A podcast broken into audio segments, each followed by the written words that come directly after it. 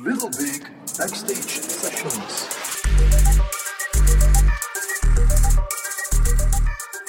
Goedemorgen, goedemiddag, goedenavond, uh, goedenacht. Ik weet niet wanneer dat je het luisteren bent. Dit is podcast nummer 9 van Little Big and Partners Backstage Sessions. Dat is een tongtwister. Absoluut, we zouden er eigenlijk een kortere naam voor Ja. moeten verzinnen. Hè? Ja. Maar goed, eh, ik zit hier samen met eh, Hans. Alles goed, Hans? Alles eh, perfect. eh, de zomer lacht ons toe. Ehm, mijn kinderen lachen mij toe. Mijn echtgenote lacht mij toe. Ik ben er zeker van dat de kijkers nu ook zo'n... eh, de luisteraars eigenlijk... Dus de volgende stap. ook een soort eh, ehm, glimlach op hun gezicht getoverd voelen. Alleen al bij het horen van onze zoetgevoisde stemmen. Oh. Die het vandaag zullen hebben over... Wel, eh, we gaan eens kijken naar een aantal dingen die te maken hebben met presets. Eh, hoe, eh, om het in het mooie Vlaams te zeggen, hoe iemand gekableerd is. Ah, ja. Voilà, ja. dat is een beetje het bedoeling. Maar ehm, misschien eerst de, de vorige podcast, podcast nummer 8, hebben we eigenlijk geen feedback op gekregen, om de heel simpele reden, Ah, meneer De Meijer. Ja, dat die nog live moet gaan. Die is volledig gemonteerd, maar Ja. om een of andere reden ehm, ja, staat hij nog op de harde schijf en niet in Voilà, dus de we, cloud. ja, we nemen deze podcast op eh, terwijl de vorige nog moet live gaan. Ja. Maar eh, zeer eh metaniveau gewijs is er wel iemand die al gezegd heeft van ik wil graag eens gast zijn. Aha. En we hadden de vorige keer hadden we gezegd van misschien dat we voor de tiende dus een gast moeten Ja. uitnodigen. Dus een of andere manier heeft het universum wel zijn ding gedaan. Ja, klopt. Dus eh, Mooi. misschien podcast nummer 10 met een gast. Ja. God, zou het En je hebt wel iemand eh Ja, ja, ja. in ja, gedachten? ja, ja, Fantastisch. absoluut, eh. Zeer goed. Een Chinees vrijwilliger. Ja, dan kijken we Zelfs daar een naar gewoon vrijwilliger eigenlijk. Voilà, Ja, fantastisch. ja, maar als het een Chinese vrijwilliger is, dan gaan we met ondertitels moeten beginnen werken. Ja, en op podcast werkt dat moeilijk. Ja, wel, het is Ja, dat, ja, we doen juist. simultaan tolken. Simultaan Ja. tolken, ja. Ja, ja. Nee, maar het is, het is geen Chinees. Oké, Dus, het is een voilà. Chinese vrijwilliger. Ja, ja, ja, ja. Goed.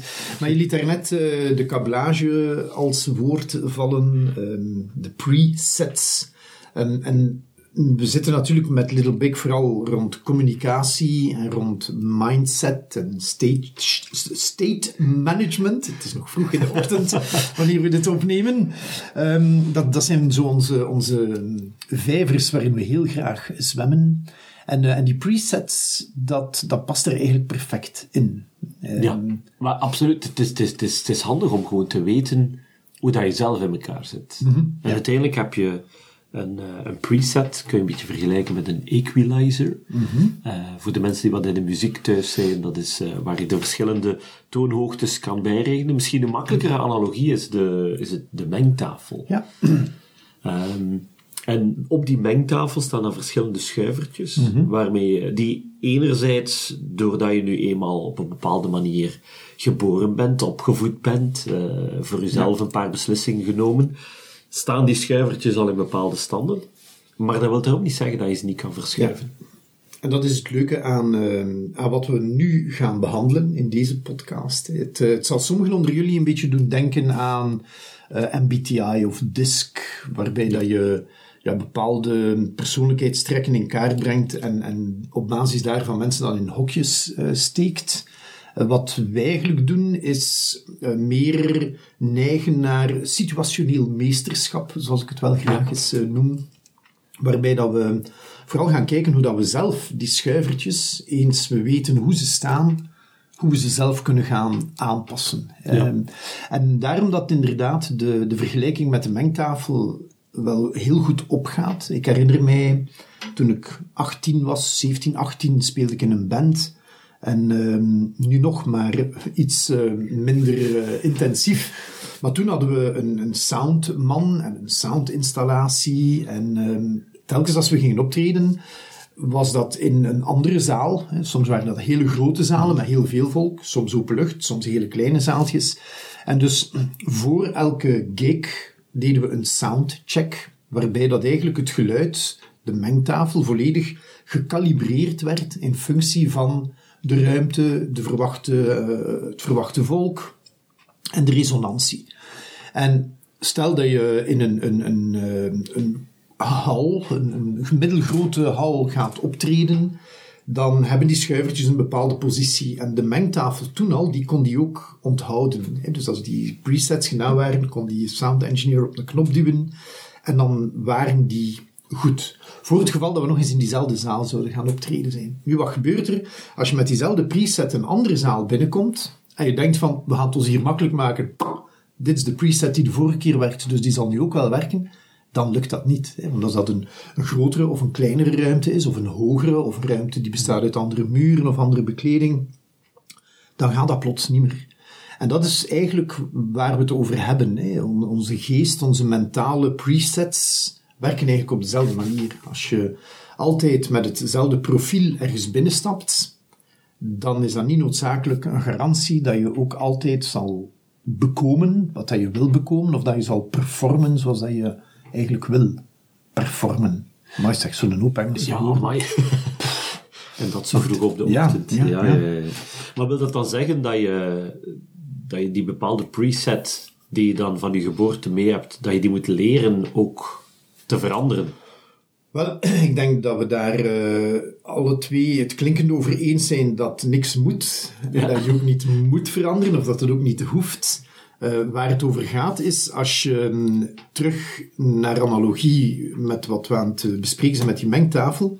Als je ergens in een situatie komt en je merkt dat je eigenlijk niet dichter bij jouw doel geraakt, omwille van een aantal ja, presets in jouzelf, waarvan je denkt, ja, ik ben zo, en je hoort mensen dat wel vaker zeggen, ja, maar ik ben nu eenmaal zo, hè, zij moeten maar iets doen. Terwijl dat, het, dat eigenlijk de kunst erin bestaat om, om, als je dat nodig acht of denkt dat dat kan helpen, dat je in staat bent om eens wat meer bas bij te geven, en eens wat minder hoge tonen, en eens wat meer midtones. En als je dat dan lang genoeg oefent, dan zitten we echt in stage, state management. Niet stage, de maar state, ja, ja. state management. En dat kan je dan weer vergelijken met de, de presets voor je autoradio. Waar dat je kan kiezen tussen pop, rock, klassiek. En dan weet je van, ah, ik moet hier eh, een presentatie geven. Dus de beste mental preset is die knop. En dan, dan weet je van, ik moet eh, bijvoorbeeld geassocieerd zijn op dat moment, gedissocieerd zijn op dat moment. Ik moet me nu minder op eh, mijn processen focussen en meer op de mensen in de zaal. En dat soort zaken die in andere omstandigheden ook helemaal anders kunnen zijn. Soms is het niet nodig om je op de mensen te focussen, maar eerst op het proces. En als je dan met die schuivers kan spelen, dan ben je een, een, ja, een stukje, sta je een stukje verder dan mensen die dat niet kunnen. Ja, ja, ja. Maar Het was, onlangs zat ik, eh, zat ik in een intakegesprek voor een, eh, voor een keynote. En eh, mijn communicatiestijl op een podium wordt soms nog wel eens omschreven als rollercoaster. Ik gebruik heel veel slides op heel korte tijd. Dat gaat er heel snel door. Ik praat erop. Ik, ik spring heen en weer. En, eh, Maar tijdens zo'n intakegesprek, het was gewoon een, een videoconferentie, was ik heel rustig. En dus die, die man, die potentiële klant, die kon dat maar moeilijk begrijpen. Zegt hij, maar dat wordt omschreven als rollercoasterstijl, maar als ik u zo zie zitten, dan ben je zo rustig. Ja, ja dat klopt. Nu ben ik rustig. Maar zet mij op een podium en dat is inderdaad voor mij dan een andere preset. Want dan, wat er in mijn hoofd dan speelt is, eh, waarom word je eigenlijk gevraagd om op dat podium te kruipen? Is om, plat gezegd, energie te geven aan het publiek. En dat doe je nu eenmaal op een andere manier dan in een, eh, in een webcast te zitten of, of in een eh, videoconferentie en gewoon een gesprek één op één te hebben. En eh, nu uiteindelijk hebben ze gezegd, het is, het is goed voor ons, we, we hebben goede feedback al gehoord, dus... maar dat was, dat was precies heel raar in die man zijn hoofd van, oeh, je, je kunt hier nu zo rustig zijn, alsof dat je als, je in keynote mode bent, dat je zeer energetisch bent en, en springend veld, dat je hele dagen door springend veld bent. Ik, ik hoop van niet. Ik hoop dat mensen die enorm veel geven Ja. op een podium, acteurs, eh, stand-up comedians en zo, dat die ook eens momenten hebben dat ze heel rustig kunnen zijn. Het schijnt hè, dat, dat eh, acteurs en, en mensen met een, een nogal visibele rol eigenlijk achter de schermen heel vaak zeer introvert zijn. Eh, misschien vandaar ook het aanzienlijk aantal zelfmoorden of verslavingen bij... eh, Ja, ik denk dat dat toch, als je dat, dat, dat niet goed managt, Ja. dat dat inderdaad een risico is, omdat, je, omdat we in een, in een maatschappij leven van, jij bent zo, of, of een- er wordt een beeld naar voren gedragen van, dat zal wel zo iemand zijn. Het is ook een beetje de pitfall van die, eh, die eh, vaste profileringen zoals MBTI Dat zo, of hè. DISC of Insight of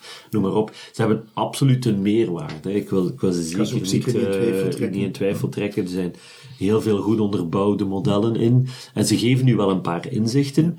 Maar het grote gevaar schuilt erin op het moment dat je een MBTI-profiel eh, afneemt bij iemand, dat die persoon zich begint te gedragen naar zijn of haar profiel. Klopt.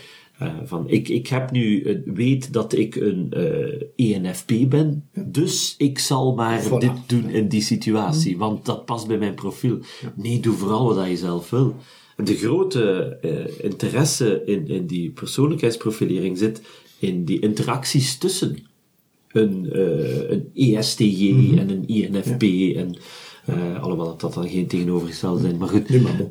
Mensen moeten daar samenwerken. je moet samenwerken inderdaad. Het is dan handig om te weten van wie doet precies wat en, eh, en hoe zit iemand in elkaar. En dat kan veel verklaren in als er ergens een conflict ontstaat van jij doet nu dit. Maar het is normaal dat, je, dat ik dan zo reageer en die ander beseft dat ook van ja, daar moet je niet mee in zitten. Dat is, zoals mijn schoonvader zegt, dat is typisch een jeetje. Ja, wel, voilà. Ja, dus, eh, Dat is, eh, dat is eh, een, een verklaring, maar het mag geen drijfveer worden. Nee, helemaal terecht. En dan heb je ook het, het feit dat, wat je daarnet zei, van hey, iemand had jou bezig gezien, rollercoaster op het podium. En vaak wordt het beeld van iemand gevormd door dat ene moment waarop iemand bezig ziet, in een bepaalde preset. En dan denk je van, ah, dat is de muziek die daar altijd zal uitkomen Ja. of uitkomt. Eh, vaak goed, maar vaak soms ook beperkend. Hè. Als je toevallig iemand in een, een, een slechte preset ontmoet, eh, om daar dan direct van uit te gaan, en dat doen we allemaal, hè, is heel snel veralgemenen. Hè. Ja, maar met die en daarvan niet mee te werken. Ik heb die, ik heb die ene keer gezien in een meeting, hè. maar joh, wat een eikel was dat. Hè.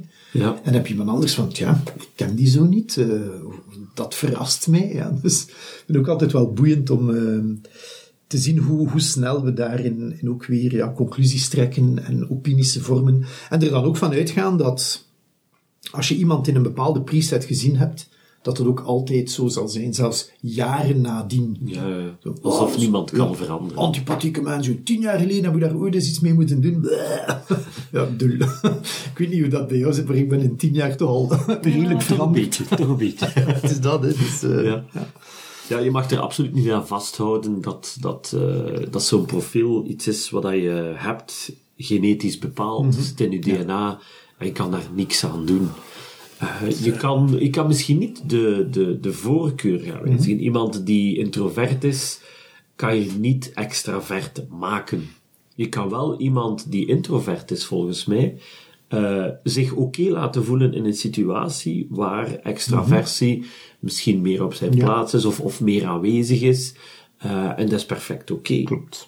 Maar het is niet zo dat je, dat je zegt, oh ja, maar ja, ik, ik zal dat maar niet doen, want ik ben introvert. Nee, doe het vooral en eh, zorg dat het matcht met je systeem, of past het de context aan, of... Het is niet alleen Ja. jij die kan veranderen, hè, je kan ook de context veranderen. Klopt, maar je moet het echt wel willen als individu. Ehm, maar ik, ik geloof ook ehm, heel hard in het feit dat alles waar we in geloven eigenlijk een illusie is die iemand of wij zelf gebouwd hebben. Als een soort houvast. Van ja, maar ik ben nu eenmaal zo, dus verwacht dat niet van mij. Dat is comfortabel. Hè.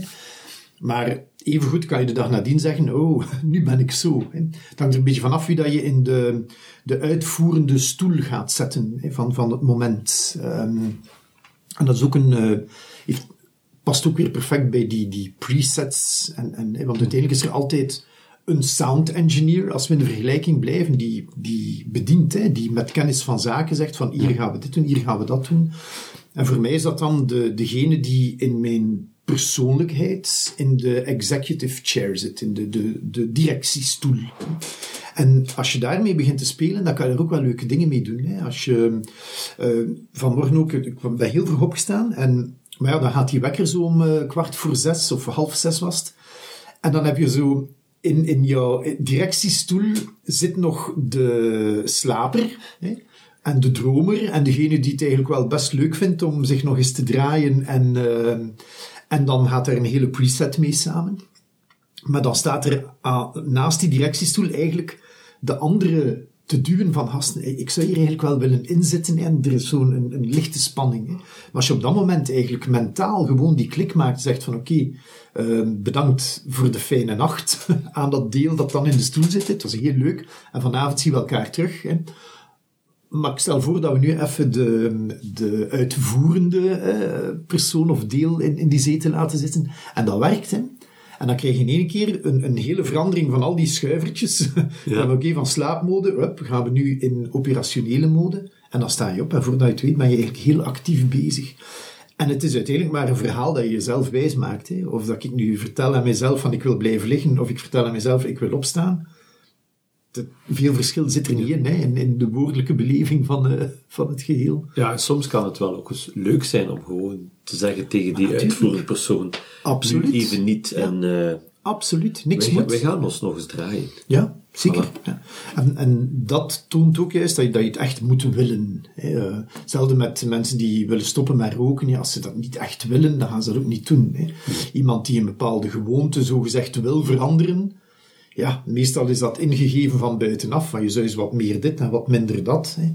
Maar voor die persoon zelf is het eigenlijk helemaal oké okay van te doen wat dat die doet. Hè. Dus, uh, en vandaar blijf je dan ook ja, makkelijker in die preset Ja, zitten. ja, Plus als we dan terug naar die mengtafel gaan, wat aan mij ook opviel vroeger, uh, vooral in studio's, is dat er bij mengtafels op bepaalde schuivertjes worden er zo clipsjes gezet dat dat niet verder kan naar beneden of naar boven. Hè. Dat, zo, Als een dat maximum die, ja, erop, ja. Dat die engineer weet van binnen die range zitten we goed, hè, maar we moeten niet lager of hoger gaan. Hè.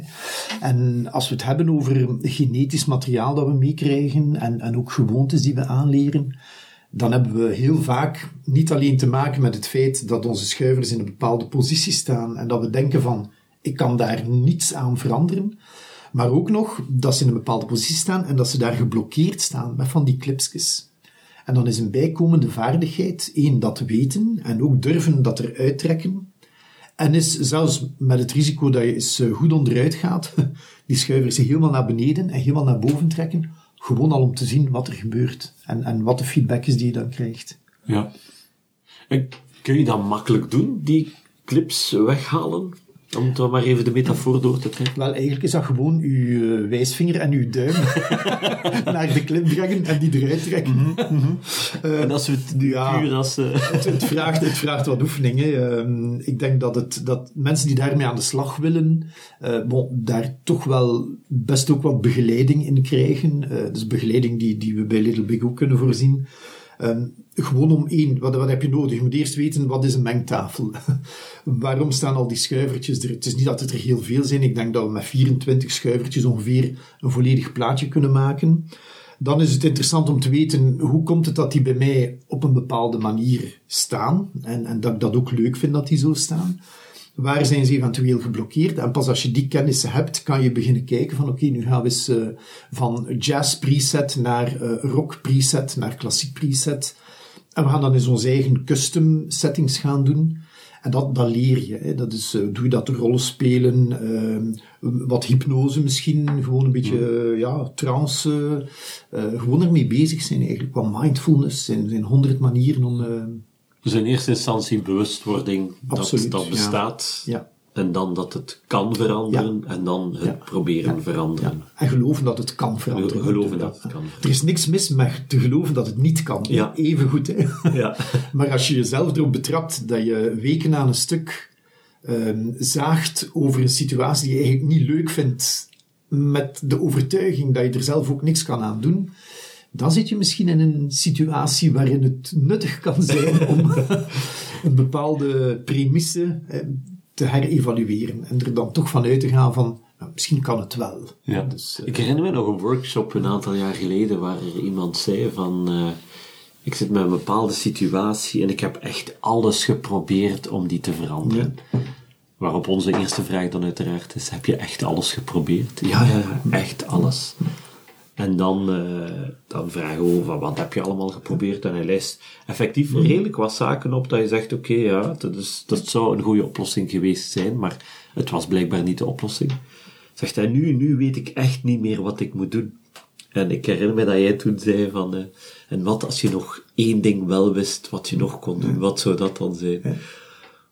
Oh ja, als ik dan nog één ding zou kunnen proberen, dan zou het dat zijn. Maar misschien moet je dat eens doen.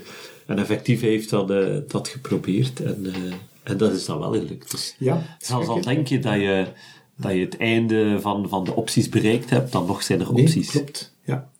Ik had eh, gis- vrijdag ook nog zo'n workshop met, met trainers en consultants of all. en dat is ook zo grappig. Hè? Zo van, eh, wat zou je nog kunnen doen? Ik weet het niet. Maar stel dat je nog één ding wist. Hè? En dat was ook Ja. zo, ah ja, dat is ook dat. Zeer goed. En dan komt het zeer goed Ja, ja, ja. En, da- en dan is dat plots alsof dat al die schuivertjes die vastzitten, Ja. dat die in- ineens toch weer kunnen, eh, kunnen bewegen. Dus, eh, en alleen maar door een vraag of een, een challenge. Het, het grow-principe Ja. dat we ook wel vaker hanteren, Ja, ja, ja. is er ook een mooie illusie van. Hè. Dat zou je allemaal kunnen doen. Dat en wat nog, dat en wat nog, dat. eh. Ik heb zoiets gehad eh, in een, eh, iemand die een probleem had met een collega op het werk. En die zat er ook volledig in vast. Dus heel dat mengpaneel bij die, bij die vrouw stond zo krak. En dat is het. En, ja, en al wat ik gedaan heb, dat, dat blijft een conflict. Hè. Ik zeg, ja, wat zou, je, wat zou je nog allemaal kunnen doen? Ja, goh, ik weet het niet. Ja, als, mocht ik het weten, zou ik niet bij u komen, ook al. En als eerste, ik zeg, weet ik ga je wel helpen. Ik zeg, ik zal een paar opties geven en je kan er dan verder op bouwen. Ik zeg, eh, en de eerste optie die ik u ga geven, is dat je morgen eh, naar eh, de wapenhandel gaat. En ik noem een adres. Hè. Ik zeg, koopt u een longrifle. En schiet die collega gewoon pff, neer. Dan heb je plaats terug. Eh, ja, maar dat kan ik niet doen. Dat gaan we straks bekijken. Ik zei, dat is mijn eerste optie. hè. Ik zei, wat zou je nog kunnen doen? En dan kwam het zo ineens zo van, ah ja, maar ja, ik zou misschien ook hè, hier en daar. En je voelde zo dat hè, één voor één die clipsjes uit de mengtafel verdwenen. En dat er eens wat geschoven werd zonder al een appreciatie van de muziek die eruit kwam. ja, ja. hè. Nee, maar eerst zo verschillende sets. En dan, als je er zo tien hebt, kan je beginnen luisteren naar welke muziek komt daar nu uit. Van, oh nee, dat, dat gaat toch niet, hè. die collega doodschieten, toch niet optie 2 was, ik ga mijn ontslag geven. Ja, dat klinkt ook niet zo goed. Hè. Maar dan, naarmate dat we verder gingen, kwa- kwam er af en toe wel muziek waarvan dat die persoon zei, ah, daar kan ik mij wel in vinden.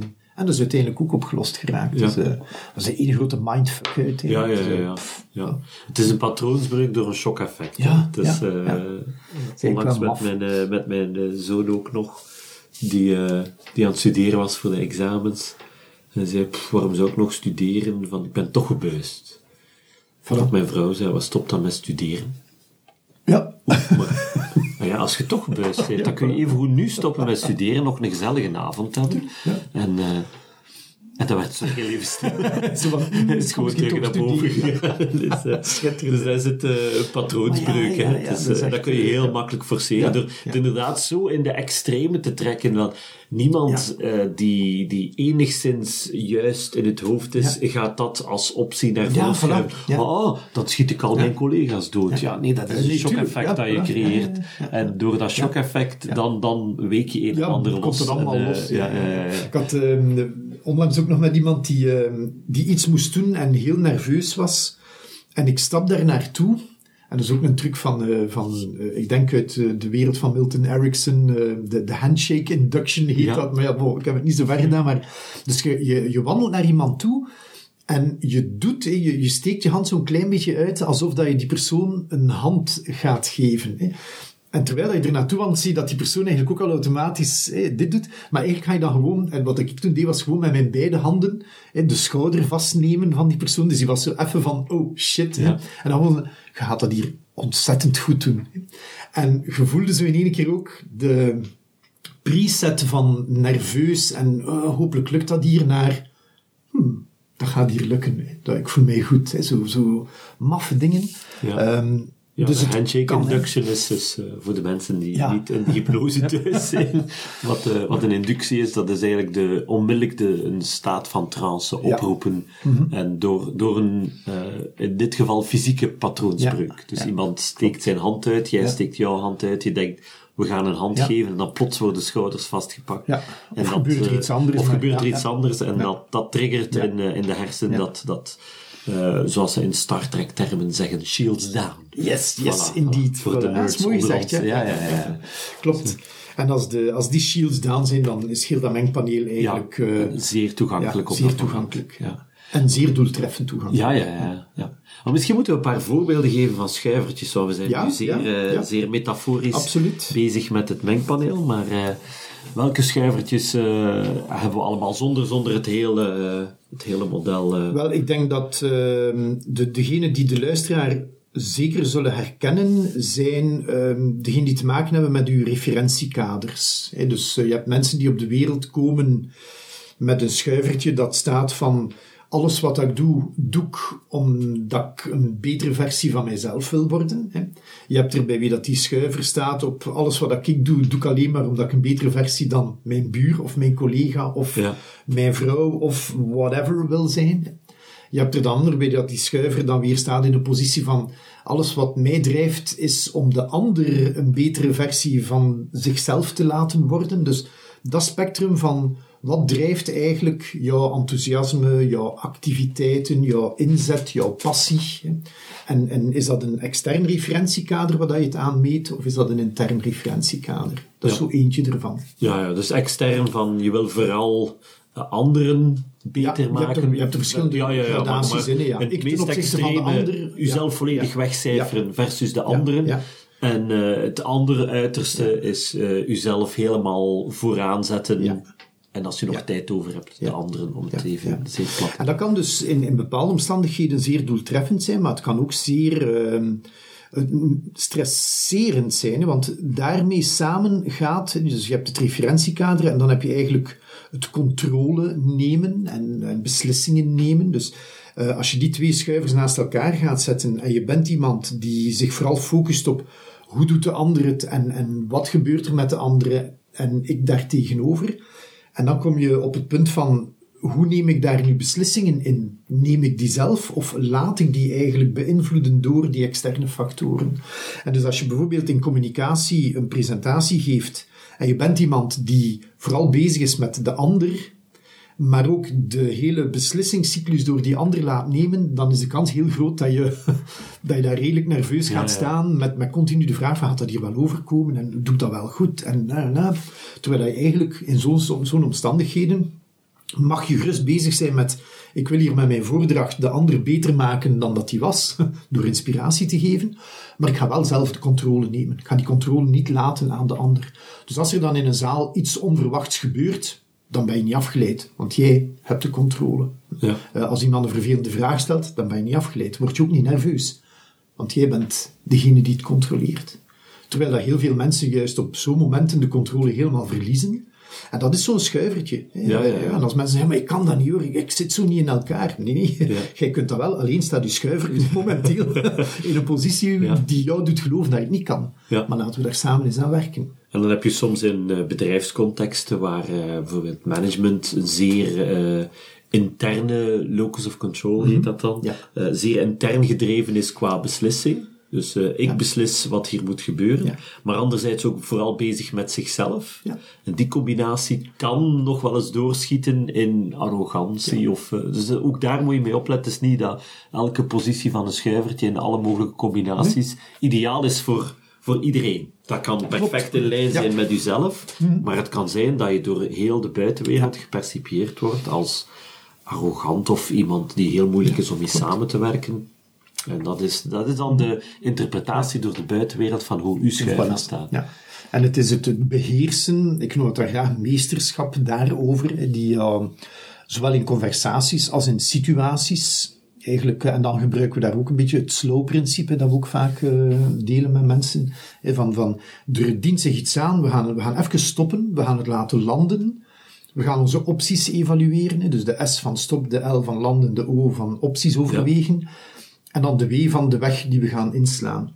En die opties, dat is net van, wat keer er gebeurt iets, ik laat het even landen. Wat is nu de beste preset die ik kan hanteren om verder Ja. doelgericht in die situatie eh, te gaan werken. Zodat ik mezelf goed voel en dat het ecosysteem waarin dat ik werk zich ook goed voelt. Dus, eh, dat vind ik- schuivertje waar ik, eh, waar ik heel graag mee speel, is het, het visuele, auditieve, kinesthetische. Je hebt ook nog olfactorisch Ja. en gustatief, maar meestal waar er mee gespeeld wordt, is visueel, auditief, kinesthetisch. En je kan dat vaak al horen aan hoe mensen hun woorden kiezen.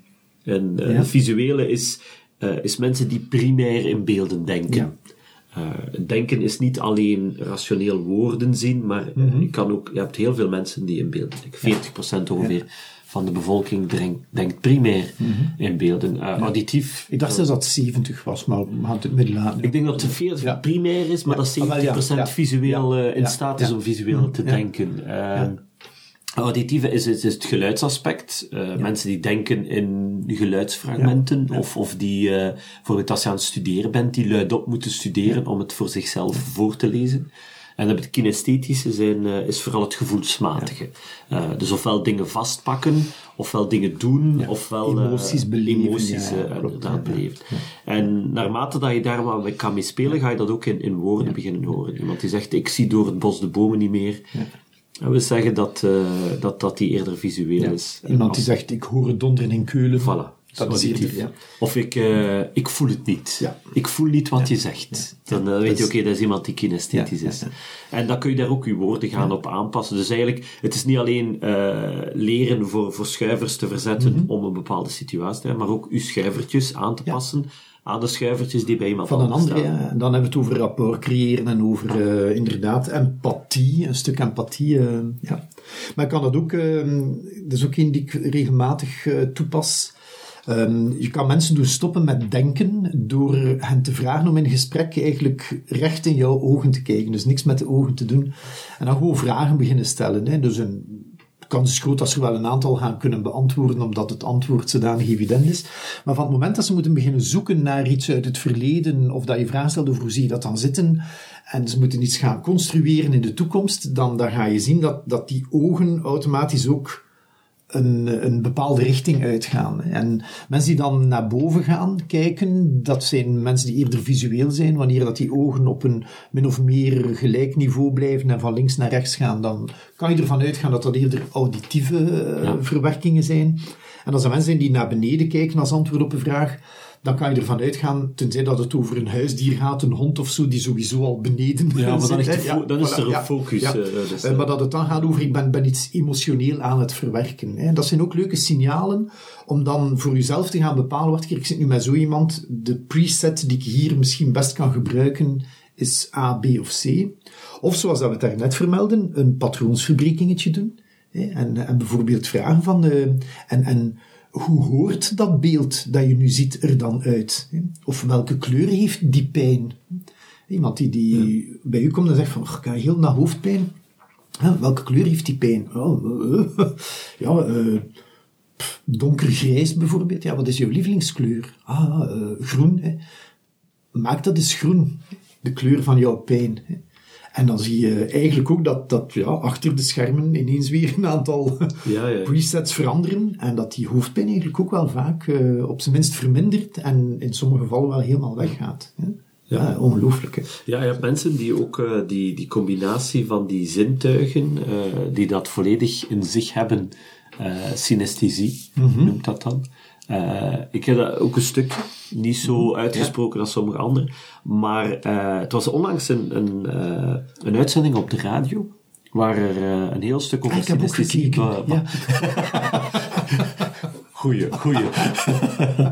Eh, dat was een heel stuk over synesthesie. Ja, kom. Nu, nu, nu zijn we. Absoluut, Ja, ja, absoluut. ja. Ja, En dat in de, eh, ja, toch, eh, dertigste minuut. Ja, voilà. Vooraan in Misschien het moeten, we, misschien moeten we even... Oh, ja, ik, ik heb ja, ja, ja, ja, onderbroken, dus. Je was naar een uitzending aan het voelen. Ik was een uitzending aan het voelen op de radio. Ehm, en die, die ging over synesthesie. En toen werden daar een aantal getuigenissen daarvoor gebracht dat ik dacht van, potjandori, nu vallen er voor mij een aantal puzzelstukjes in elkaar. Ik herinner mij helemaal in, eh, lang, lang geleden, toen ik 18 jaar was, dat is al heel lang geleden, ehm, toen had ik een, ehm, een werk dat ik moest maken, het, eh, het eindejaarswerk voor het vak esthetica. Dat is een fantastisch leuk vak, goede leraar, allemaal goed en wel. En ik deed dat over een bepaald muziekgenre. Eh, dus zeer auditief.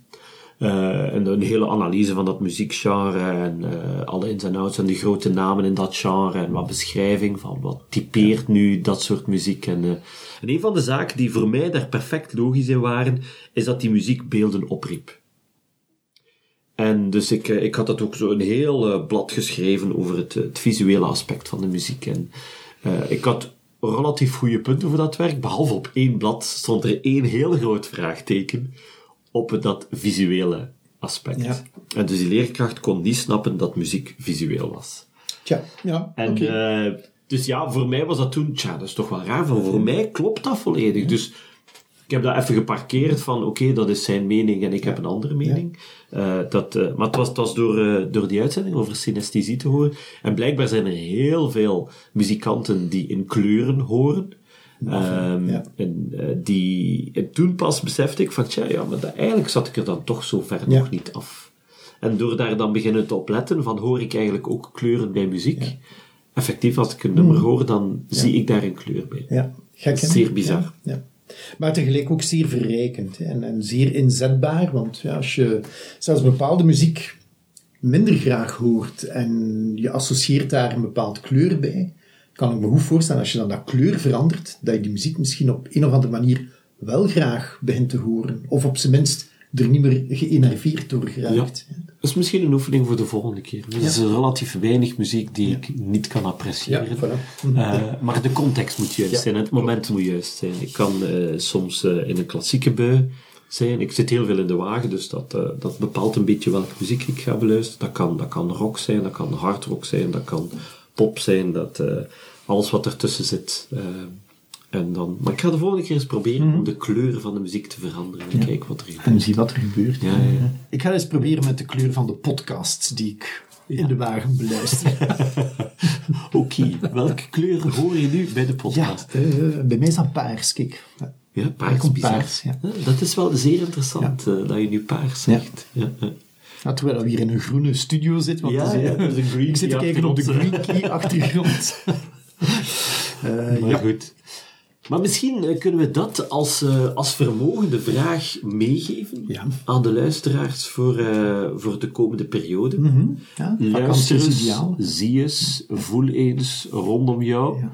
of er zaken zijn waarvan jij zegt van ik dacht dat dat bij mij zo was, maar wat als ik nu dat schuivertje, welk schuivertje het ook Ah, is, het ja. Mhm. zijn er nog veel meer, maar we gaan ze niet allemaal doorlopen. ja. Maar ehm, eh, als je daar meer in geïnteresseerd bent, eh, die schuivertjes heten eigenlijk metaprogramma's, dan, eh, dan kan je daar nog meer over opzoeken. Maar als je zo'n schuivertje detecteert bij jezelf, wat zou ik kunnen doen om dat schuivertje te verschuiven? Ja. En wat gebeurt er dan in de wereld rondom mij? Dat lijkt me een schitterende vraag. Voilà. Gebruikmakend van kleurtjes en geluiden en eh, visuele, auditieve en kinesthetisch. Trouwens, kinesthetisch.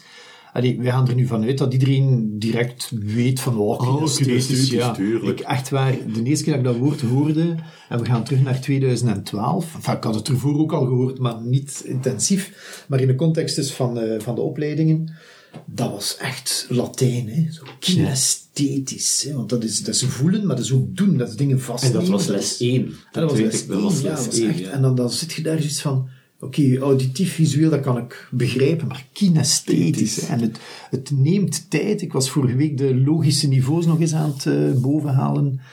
En ik zei tegen eh, die groep ook van, eh, moet er niet mee in zitten als, als dat tijd vraagt. Ik bedoel, ik schrijf die hier nu, ik schud die gewoon uit mijn mouw en ik heb daar een verhaal bij, maar ik zei, dat heeft ook drie tot zes maanden geduurd voor, voordat je dat, dat je dat eigen hebt. En elke keer dat je het vertelt, verandert het nog en wordt het nog rijker. Dus, eh, dus beste luisteraars, een andere optie is natuurlijk ja, ons contacteren via info at littlebig.partners.